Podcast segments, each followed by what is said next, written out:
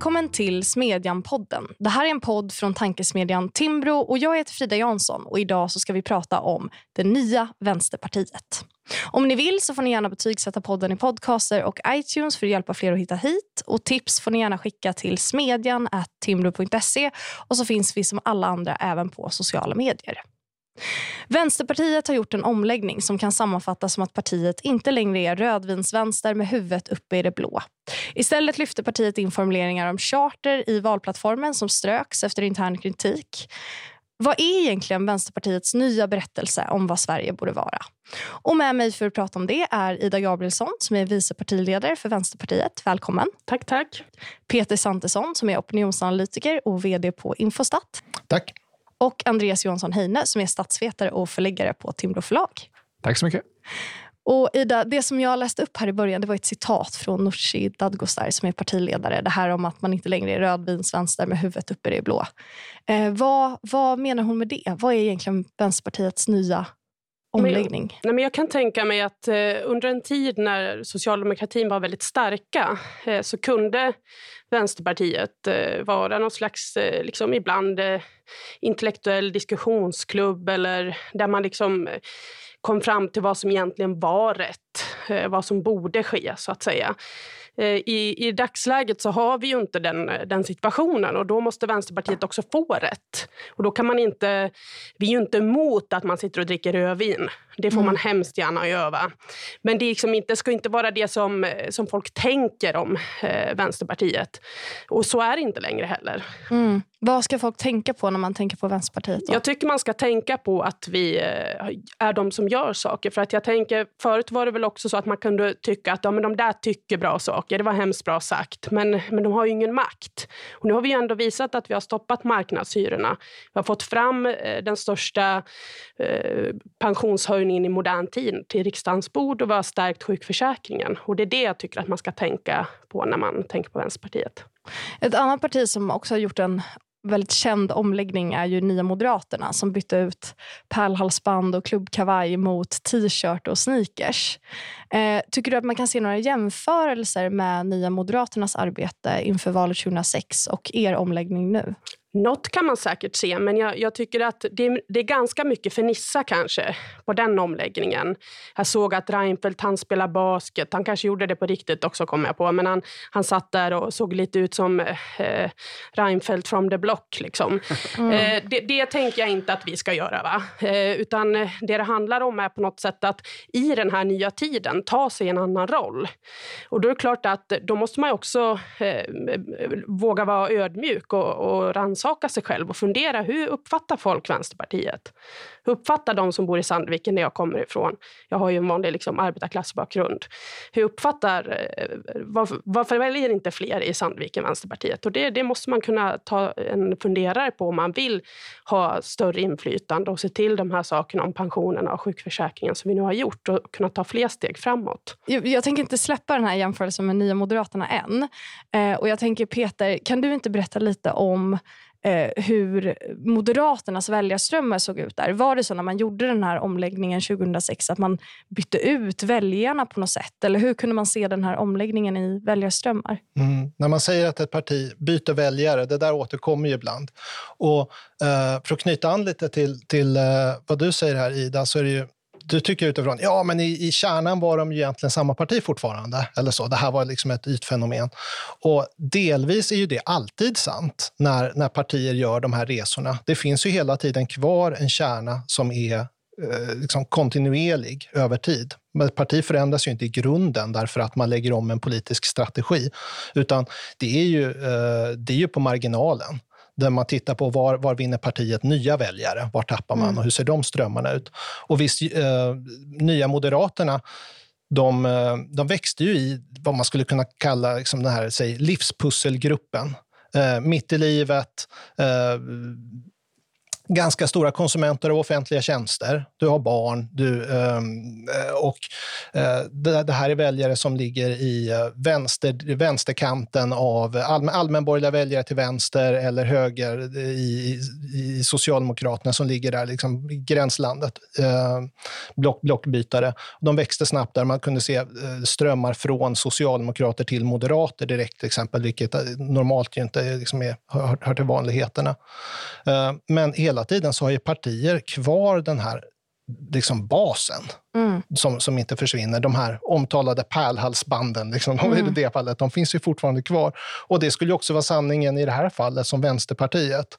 Uh, det, är ju, det är på marginalen de här, de här förändringarna sker. Ett annat exempel är förstås Centerpartiet som också omtalas. De, de liksom gör en resa från att vara, uh, ha basen i uh, mer landsbygds-Sverige och istället då få den urbana basen. Visst, det är sant, men, men den, här, liksom, den gamla delen av partiet finns fortfarande kvar, är väldigt stark. Och det tror jag nog man kan säga om Vänsterpartiet också. Det kanske kommer till det sen. Ja, alltså jag tänker ju liksom att eh, det är ju så att Vänsterpartiet har haft ett mindre geografiskt uppdelat eh, väljarstöd förut. så att säga. Så det är liksom, på något sätt handlar det ju inte här riktigt om, om, om just de här, den här typen av hur når vi de här marginalväljarna.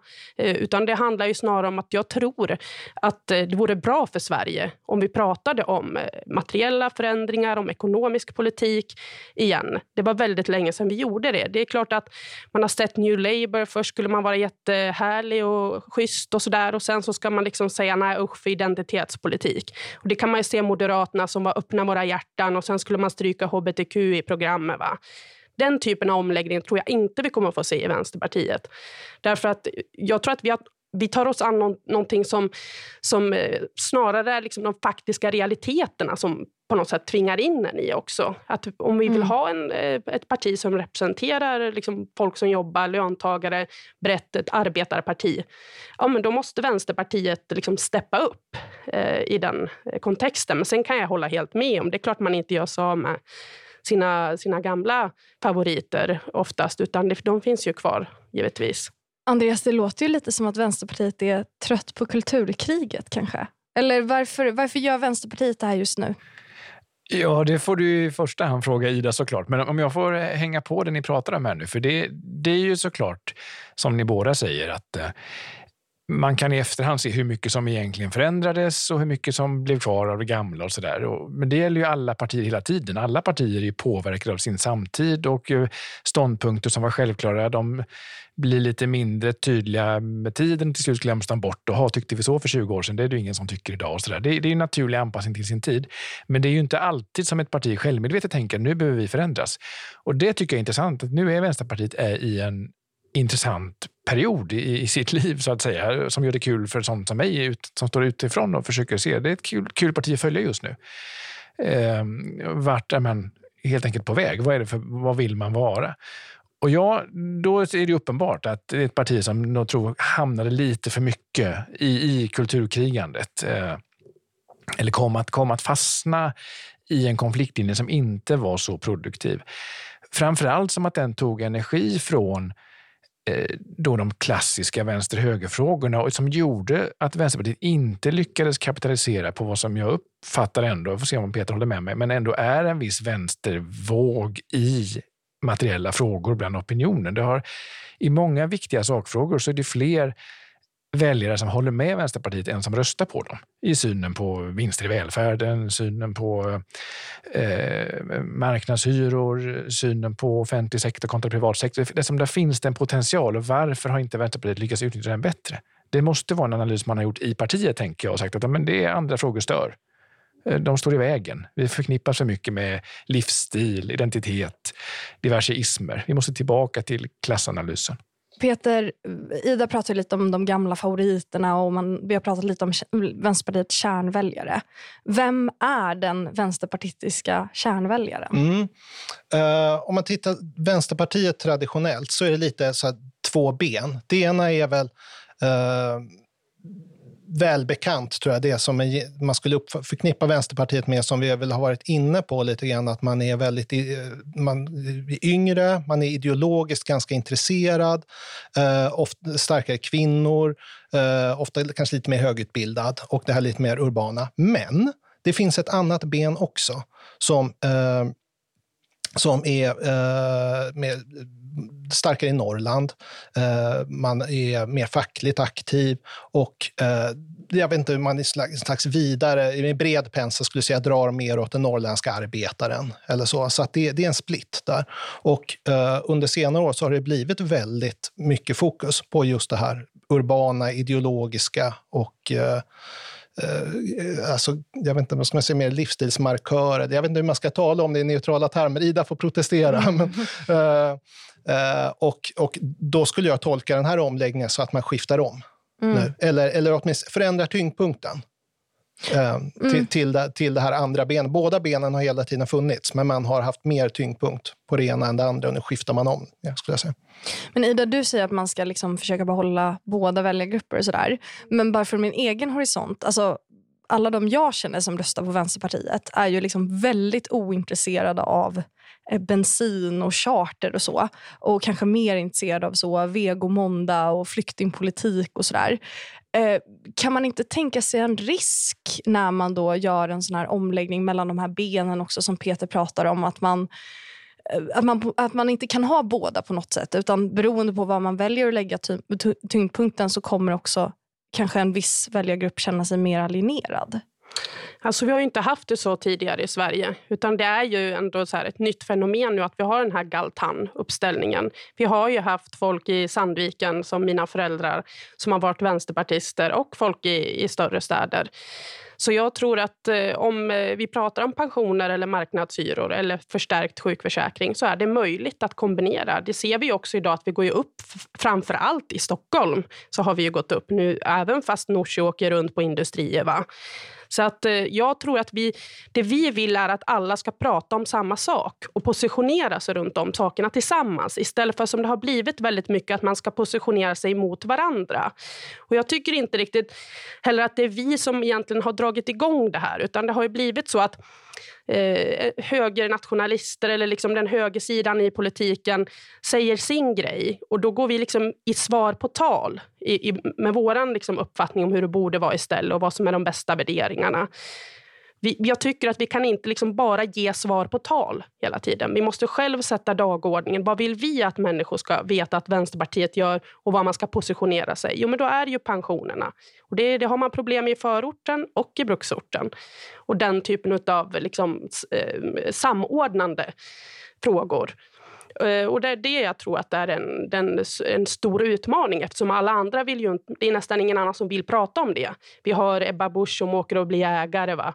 och skjuter, skjuter lite där på landsbygden för att imponera på landsbygdsväljarna det är liksom fortfarande i den här Galtan-berättelsen som den typen av parti vill agera. Så det svåraste jag tycker det är att få igång en sån här diskussion. Nu tycker jag det har blivit lite när Socialdemokraterna också vill ta tillbaka kontrollen, säger de, över välfärden.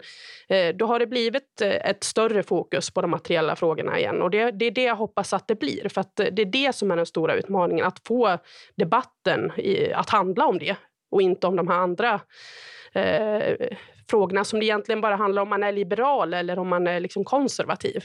Det är ju inte liksom, vi i Vänsterpartiet vill lösa samhällsproblem. Och då måste debatten vara bredare än vad den är idag. Eller vad den har varit ganska länge i alla fall. Mm. Eh, finns det några liksom, internationella förebilder när man har gjort den här omläggningen? Du pratar ju lite om eh, Labour. Och då, det tänker man ju på direkt liksom, eftersom eh, man har kanske haft svårt att behålla klassiska Labour-distrikt som har varit väldigt arbetartunga som sen har gått till Tories. Jag tycker eh. de gör en som det som sossarna gör. Alltså, Labour la om, blev New Labour, skulle liksom vara härliga och, och eh, liksom, eh, eh, snälla och, och sådär.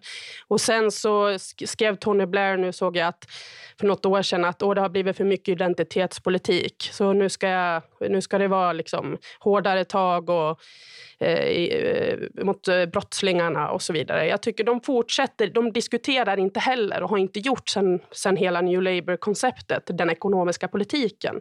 Och det är det som är skillnaden. Vi vill ju diskutera den ekonomiska politiken, inte liksom röra oss på galtanskalan. skalan Eh, mm. som New Labour har gjort. Först var de väldigt gall och sen skulle de liksom, eh, nu markera mot den tiden då och, och dra, lite som den socialdemokratiska eh, tankesmedjan. Eh, vad heter de nu då? Jag glömmer bort. Eh, vad heter de? Tiden? Heter de så? Just det. Ja. ja. Det är som de som är där gör. Liksom. Det, det, tycker inte jag det är det Vänsterpartiet gör. Utan vi vill ju få in de ekonomiska frågorna i centrum främst. Liksom. Inte markera åt det andra hållet i, i på Galtanskalan. Men en, en stor fråga som ju har alltså, varit väldigt högt i debatten annars nu, det är ju integrations fråga, som vi säger, eh, hedersvåld till exempel. Uh, och hedersfrågor eller ja, slöjdebatten. Och, uh, är det där en fråga då där ni tror att, att den här Sandviken-väljaren skulle polariseras från, från Stockholmsväljarna? Eller så att ni, ni, ni, har en... Uh, är det vissa, vissa frågor som skulle vara lättare för att hantera om de låg högt på dagordningen? Nej, alltså jag tror att om vi pratar om, om eh, de, den typen av frågor som politiker kan påverka, alltså om vi vill stärka socialtjänsten eller någonting då för att hjälpa folk som är utsatt för hedersvåld, ja, men då kan det ju absolut vara gemensamt eh, kring det. Men det, det, som, eh, det som det oftast blir är ju någon form av signalpolitik och vi vill ju liksom få bort den, de frågorna genom att eh, ta sig an det som politiken kan lösa. Och Då kan det ju vara om det är hedersvåld, givetvis lagstiftningen men insatser i socialtjänsten. Men framför allt också den typen av stora frågor. Om, oavsett om du är straight eller gay så behöver du en bra pension. Liksom. Mm. Du måste ha någonstans att bo. Mm. Oavsett om du har kommit nyss eller om du har bott här länge.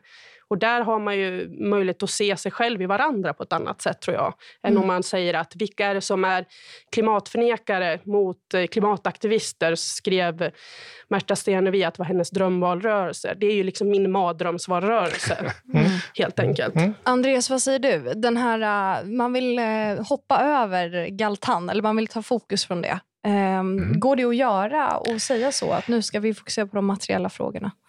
Alltså det går ju inte att välja alltså, vi har ju de konfliktlinjer vi har i, i politiken. Det följer ju på hur samhället förändras. Och så. Det är liksom grunden strukturerna som styr.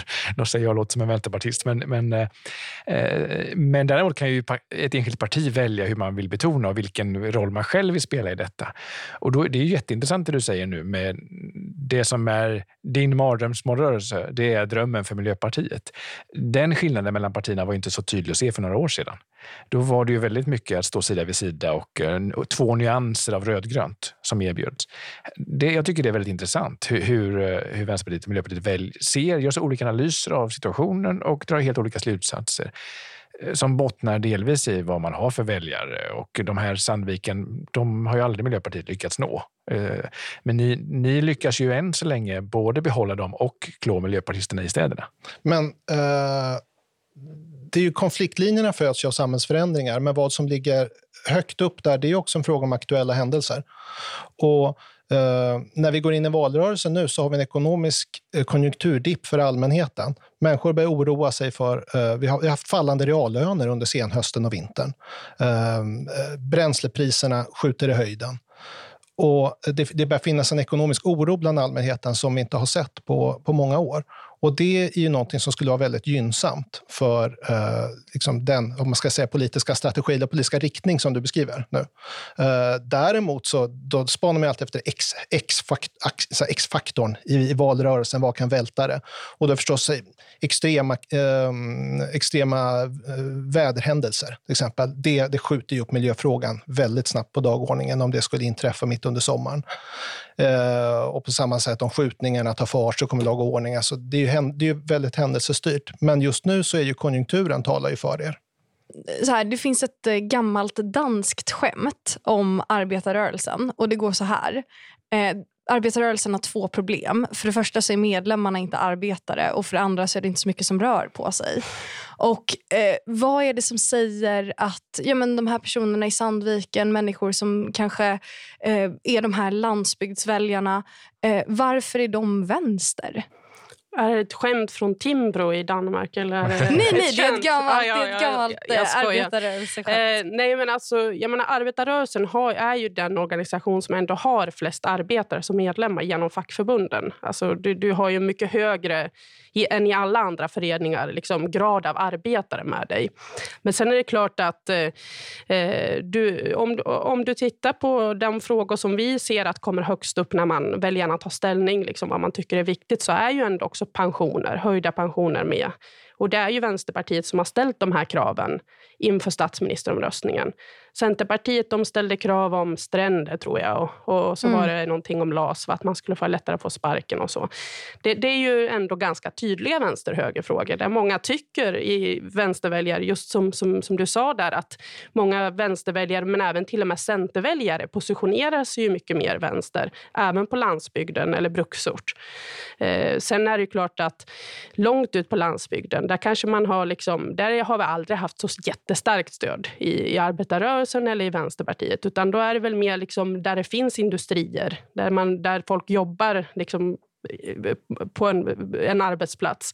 Kanske inte i Småland i, i, utanför någon, liksom, eh, i någon jordbruksort, så att säga. Utan det är mer i den här typen av ganska traditionella arbetarrörelseorter ändå, som, som, som det var inte så länge sen alls vi hade starkt stöd. Och vi hade mycket starkare stöd där 2002 och 98 än vad vi har nu. Och det är för att i Stockholm hade vi det starkaste stödet någonsin. Till och med bättre än 98, där, när vi hade våra rekordvalresultat. Så det är klart att på något sätt är det klart att det går att vinna tillbaka. Det är inte så länge sedan det förändrades det här.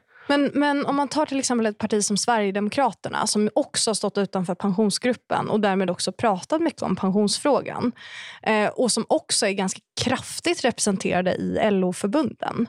Vad är det som gör att en arbetare kommer rösta på Vänsterpartiet och inte på Sverigedemokraterna? Nej, men Det kan inte jag veta förstås. Men däremot så är det ju så att eh, jag tror att eh, den typen av partier har gynnats av den politiska materiella utvecklingen. Jag tror, jag tror inte heller att det handlar om liksom, eh, vad någon bestämmer att man ska diskutera. Men, men till skillnad mot för, så, eh, mot för de som kanske tänker att ja, men, eh, vänstern har tagits över av eh, liksom, livsstilsfolk och så där, så tror jag att hela den här liksom, Galtan-debatten, livsstilsdebatten, den har ju kommit upp därför att det var under en lång tid har man inte som socialdemokratisk regering genomdrivit några liksom, stora reformer. Vi har liksom släppt över allt mer till marknaden. Det spelar inte lika stor roll utifrån de ekonomiska liksom, alternativen vilket parti man väljer. Och Då har de frågor som folk upplever att man ändå kan påverka eller där partier verkar tycka olika eller där det finns ställningstaganden fått allt större utrymme. Nu tänker jag att när vi har visat att eh, det faktiskt går att påverka också den ekonomiska eh, politiken med tre väldigt stora förändringar. Om jag jämför med tidigare perioder när Vänsterpartiet eh, har liksom haft inflytande. Eh, då tror jag också att det, det, sätter spår i debatten och vad människor tror att det är möjligt. Ja, men man kanske kan få högre pension om man röstar på det här partiet. Mm. Och jag är ju säker på att Sverigedemokraterna de viker ju ner sig vilken sekund som helst för Moderaterna. Va? Eh, de köpte ju en hundring där såg jag i budgeten till panschisarna. Så att jag, jag, tror att eh, är, är det det viktigaste för en, att man ska ha höjd pension, då, då kommer fler och fler till slut rösta på Vänsterpartiet oavsett tidigare. När det viktigaste migrationen, ja men då är det ju fortsatt Sverigedemokraterna. Det kommer jag ju inte att hymla med. Vi kommer inte att ändra vår politik i det. Liksom. Okej, men om man tänker det som... För det har ändå funnits kanske alltså, men lite eh, sura miner kanske kring omläggningen även i partiet. Och Det som har dykt upp då, kanske framförallt på dagordningen, är ju klimatfrågan och de här strykningarna av charten och det där. Eh, hur kommer det sig att det är just klimatfrågan som eh, skapar den här eh, konfliktytan? Vad säger du, Peter? Ja, jag menar alltså, klimatfrågan ligger ju... Ehm, den, ehm, den har ju en väldig koppling till, eh, eh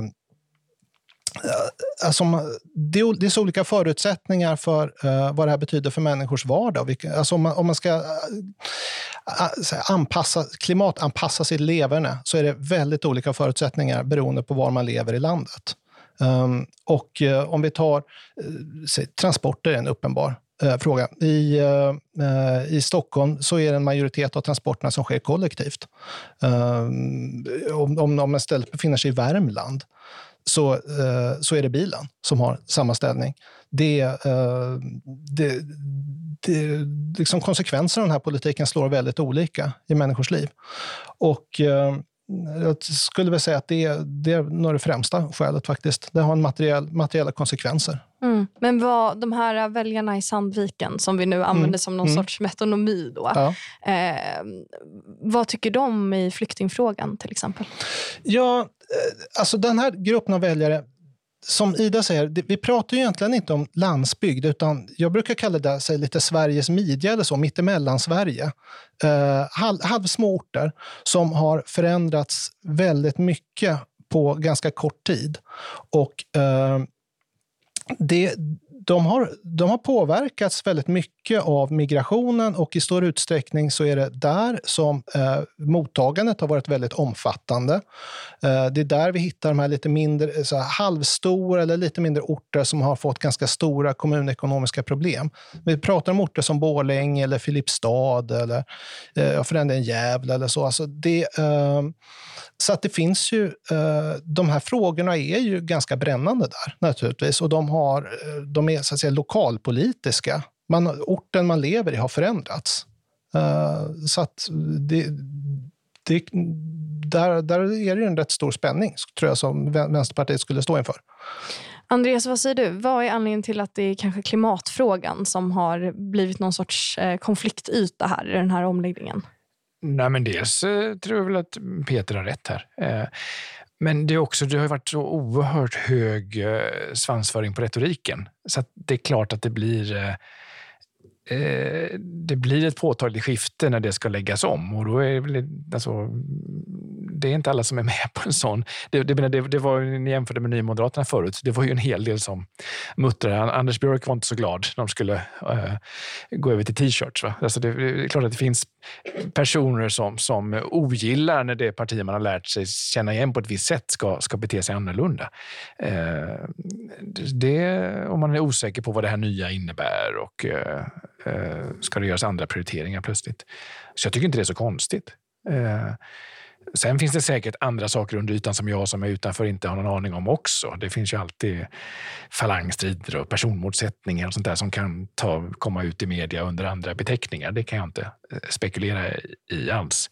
Men jag tycker inte det är konstigt. Mm. Eh, när när Kajsa Ekman var med i podden och pratade om eh, nordisk socialism eh, då så sa hon eh, med Labour som exempel att det har uppstått ett problem för att människor som går med i de här partierna de är ofta har en övre medelklassbakgrund och de är väldigt intresserade av mer eh, identitetspolitiska frågor medan kanske väljarna är mer materiellt lagda. Och Då menar då eh, Ekis att där finns det alltså en konflikt. Att de som är medlemmar i partierna och sätter agendan de kommer liksom ha svårt att läsa av eh, vad väljarna vill eftersom man tillhör på något sätt ja, men olika klassbakgrund och sådär. Eh, vad säger du om det, Ida? Om det resonemanget? Det kanske är så mer i, eh, ännu mer i England eller i Norge har man också haft den diskussionen liksom, om Stoltenberg och den, den socialdemokratin. Eh, det, jag har ingen koll på faktiskt eh, hur, hur, det, hur det skiljer sig. De, vi hade väl absolut fler byggnadsarbetare i riksdagen förut. Nu tror jag vi har en eller så. Så det är klart att det har bytts ut. Men jag tror inte att det är det som har avgjort. Liksom. Alltså, vad är det som kommer först? så att säga? Jag tror att det här fokuset på...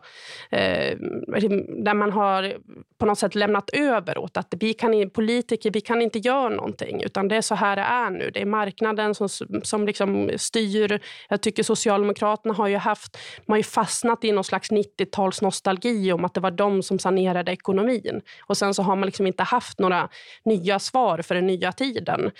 Ehm, det är det på något sätt som gör att den här eh, debatten uppstår. Inte att eh, en medelklassperson tycker att det är viktigare med eh, hbtq bara, utan det är det realiteterna, de materiella liksom förutsättningarna. Man har inte lagt några reformer. Och då, då, vad är det då man, hur ska man då prata om man inte lägger fram några större reformer? Då, då kommer givetvis inte debatten att eh, kunna innehålla någon, något sånt. Och, och, absolut kan ju det dra till, minska då liksom dragningskraften ifrån eh, LO-arbetare om man inte har, känner att man har är eh, representerad i politiken. Sen är det klart att det finns ju... Eh, jag menar, HB, är man homosexuell eller har en annan hudfärg så är det ju ingen livsstil. Livsstil är ju att man säger jag tänker äta en viss eh, sorts mat eller åka på vissa sorters resor bara. Eh, det andra är ju ett faktum, så att säga. Och det finns ju i alla klasser. Så att, eh, jag tror inte det är så enkelt som Kajsa Ekis har lagt fram det. Utan det måste vara de materiella liksom, förändringarna som på något sätt har gjort att, att det är det här partier positionerar sig kring också. Men det är väl också så att i varje parti så finns en del frågor som får en särskild laddning som gör att det handlar inte bara om frågan utan den blir som ett sätt att uttrycka vem man är och vilken grupp man hör till och vilka lojaliteter man har. Och, och, det, är inget, det är bara mänskligt. Det där, man hittar samma fenomen inom alla partier och det är kanske lättare att peka ut det hos andra än att se det hos en själv. naturligtvis. Uh, och, och det, det, där dök ju upp i Nya Moderaterna och då pratade man om pärlhalsband, men det fanns ju förstås en massa sakfrågor också. Uh, hur ska skattereformerna vara utformade och liksom vissa såna heliga kor som man överger.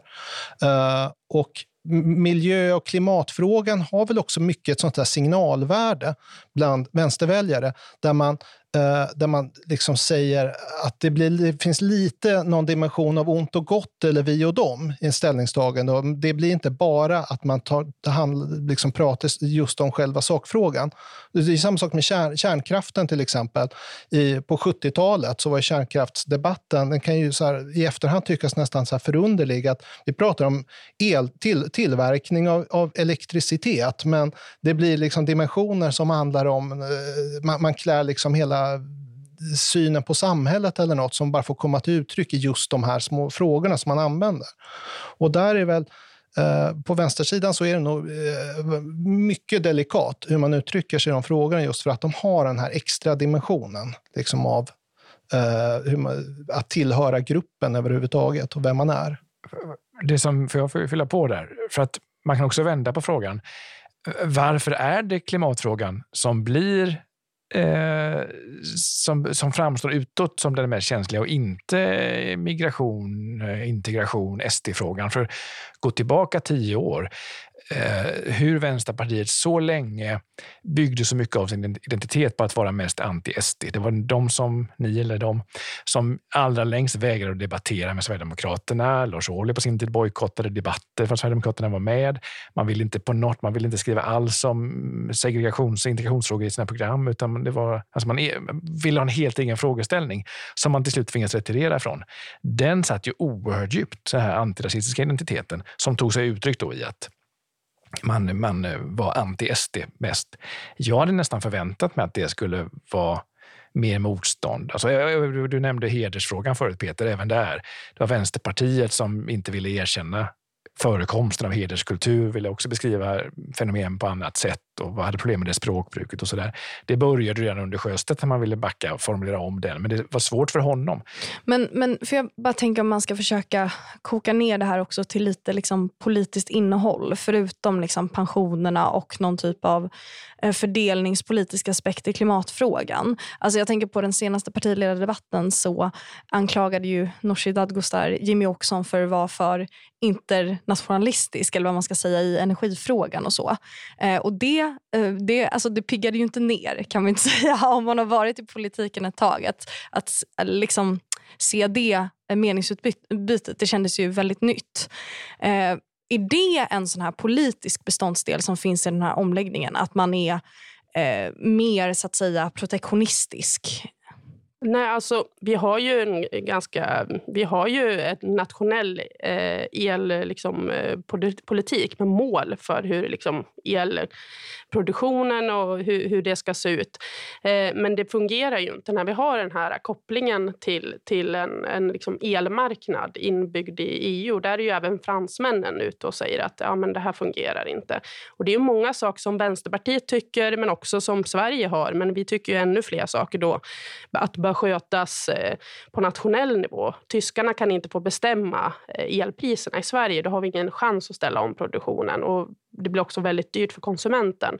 Eh, på samma sätt som att vi bestämmer själva över våra socialförsäkringar eller över skatten.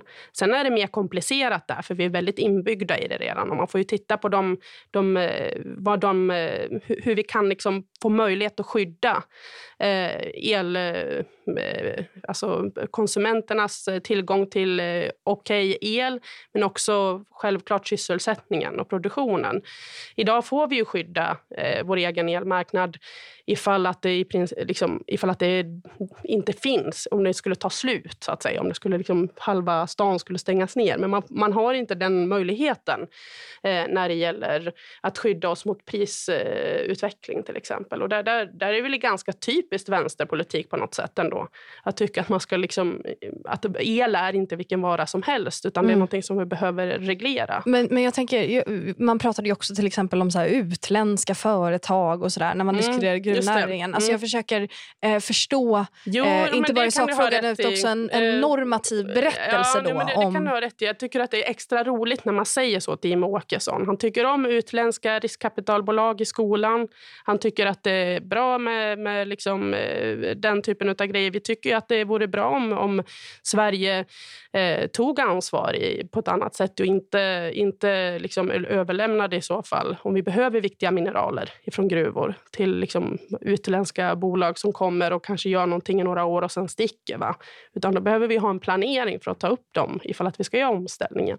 Och då är det klart att då kan man eh, på något sätt påtala att, att eh, det verkar inte vara något problem för Åkesson med eh, utländska riskkapitalbolag i skolan. Men, men eh, eh barn, de får inte stanna.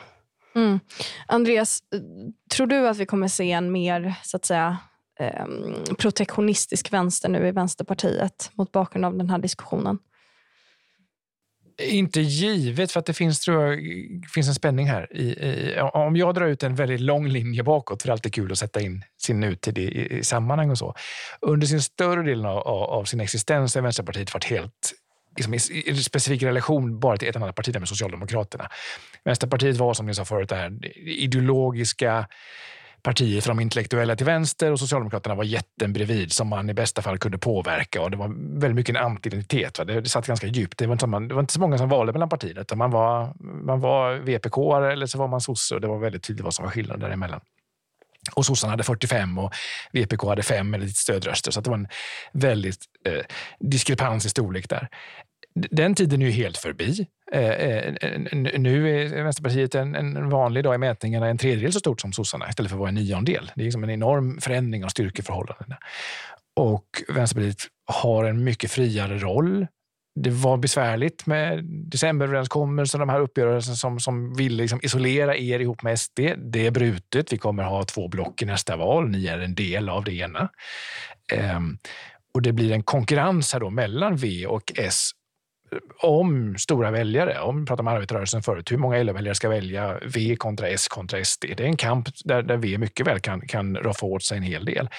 Det har tagit ett tag tror jag för, för Vänsterpartiet att själva i sin mentalitet inse att vi är inte så jättesmå eh, bara ett litet påverkansparti till S längre, utan vi, vi är liksom stora av egen kraft. Vi kan vara med. Nu tycker jag man märker ett annat självförtroende. Det, det, det gick att fälla regeringen i, i, i somras. Det går att prata mer fritt om vad man vill med sitt parti och sådär.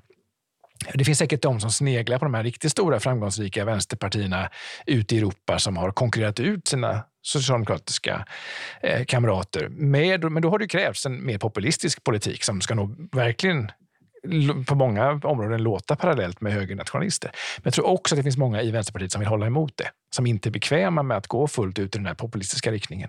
Så, så jag vet inte vad utfallet kommer att bli. Jag tror att man kommer se en del sådana interna slitningar. Eh, Men Peter, finns det inte en risk, om man tänker med det som Andreas sa, eh, att det blir lite så här, varken hackat eller malet? Att man i klimatfrågan till exempel så har man en tydlig fördelningspolitisk profil och sen kommer det till flyktingfrågan och så har man inte riktigt satt ner foten där. Finns det en risk att de väljarna eh, ja, till exempel eh, inte håller med Vänsterpartiet om tillräckligt mycket än och att man då skulle snarare behöva en mer vänsterpopulistisk retorik kring vissa frågor. Ja, den risken har varje parti som skiftar om den här tyngdpunkten mellan olika väljargrupper. Man skjuter sig först ena foten och sen den andra. Man, man får båda bestraffningarna men ingen belöning. Liksom där, och ofta är det så att man skiftar över mot den ena gruppen och sedan så blir motståndet internt för stort och i panik så retirerar man och då alienerar man åt andra hållet. Eh, så den, den risken finns naturligtvis alltid. Men jag tror nog att förutsättningarna för Vänsterpartiet ser rätt gynnsamma ut inför det här valet. Inte minst då med den här mandatperioden vi haft med, med Eh, eh Eh, med, eh, där, där Vänsterpartiet har lyckats bryta sig in eh, och eh, samarbetat med Socialdemokraterna och Miljöpartiet och eh, Centerpartiet här som börjar liksom luckras upp. Jag tror att det är väldigt gynnsamt läge för Vänsterpartiet. Och det är väl också så att partier Vänsterpartiet har haft en liksom, tradition av att betona just de här principfrågor. Och principfrågor skapar väldigt mycket låsningar. Det är svårt att förhandla kring de där sakerna. Men när man pratar om ekonomiska frågor så, så blir det väldigt mycket lättare att gå in i till exempel regeringsförhandlingar eller budgetförhandlingar därför att det finns en gemensam valuta så att säga som, som man kan kompromissa kring. Uh, det, eh, om, om den ena, liksom, så länge vi pratar tillväxt och, och, den ena, och, och fördelning av ett löneutrymme, en säger 100 och en säger 0, så kan man enas kring 50. Men om den ena säger, den ena säger 100 och den andra säger jag är emot tillväxt, så finns det inte längre någonting. Uh, och här tror jag att Vänsterpartiet nu kommer uh, det, alltså jag uppfattar att de går i en mer politisk pragmatisk riktning uh, och som kommer göra dem mycket mer politiskt relevanta. Och till det kan man ju lägga att jag tror att många i Socialdemokraterna eh, eh, har en erfarenhet av Miljöpartiet under sju år och hur jobbigt det har varit och har lättare att förstå Vänsterpartiets krav, och språk och sätt att prata, vilket också gynnar Vänsterpartiet. Att man har bättre chans att få ut mer av de här förhandlingarna. Eh, så man gynnas av frustrationen som många har känt över Miljöpartiet. Ida, vad säger du om den framtidsprognosen? Hoppas jo, inte, höll jag på att säga. nej, men, eh, jo, nej, men det tror jag. Men, eh, och sen är det ju det att jag kollar ju på såna här valforskning. Alltså man ska ta den väljaren där. Eller, men det är inte riktigt så vi tänker. Eh, det här är säkert... Eh, om vi skulle ta några marginalväljare, alltså då skulle det vara några såna här, kanske miljöpartister inne i storstan då, eller någonting sånt. Men de är ju bara 3 eller någonting, va? Miljöpartiet. Så det blir inte så många att ta. Eh, och sen så vill jag för samhällets skull att vi ska ha en mer gemensam diskussion. Jag vill inte att vi ska prata liksom emot varandra på det sättet. Och Det är därför som vi vill fokusera på riktiga samhällsproblem. Eh, sen om det gynnar S eller om det gynnar oss. Jag tror att det, det gynnar vår politik om vi try, trycker liksom debatten åt vänster. Det kommer att vara svårare för S att vägra våra krav som vi ställer efter valet. Eh, om de har blivit tvungna i valrörelsen och stått och sagt att det där var ju ganska bra. Eh, eller någonting sånt. Då kan man inte komma sen och säga att man inte vill ta bort vinsterna i skolan när man har gjort en kampanj om det själv. så att säga. Så att jag tror att man måste se lite mer dynamiskt också på det. Och att, eh, då får man fundera vad är viktigast, att V får en procent till eller att vi liksom kan bidra till att folk positionerar sig på ett annat sätt. Att vi, vi får in den här typen av frågor som faktiskt spelar roll för människor. Och Sen kommer vi inte att ändra oss om migrationen. Men det har ju alla andra partier gjort. Så det är liksom bara Vänsterpartiet, som, och MP kanske lite, då, som tycker något annat. där. Det, liksom, de har ju klappat igen gränsen här. Alltså det finns inte, jag vet inte Eh, vi, vi, har ju andra frågor där vi lovar att inte eh, vika ner oss. Och det handlar ju om pensionerna och sjukförsäkringen. då får ju någon välja. Liksom. Är det viktigast att, att Vänsterpartiet ska ändra sig precis som alla andra redan har gjort? Eh, eller är det att vi tror att de kommer att stå på sig på ett annat sätt än kanske Sverigedemokraterna eller andra partier gör? då? Eh, och det är det som jag hoppas att man ska liksom välja oss eh, framför då, så att säga. Eh, vi ska ta och runda av. Jag vill verkligen tacka Ida Gabrielsson, Peter Sandsson och Andreas Johansson Heiner för att ni kom hit. Och vi eh, hörs nästa vecka på onsdag som vanligt. Och fram tills dess så hittar ni oss på smedjan.se. Tack så mycket. Tack, tack. Tack, tack. Tack.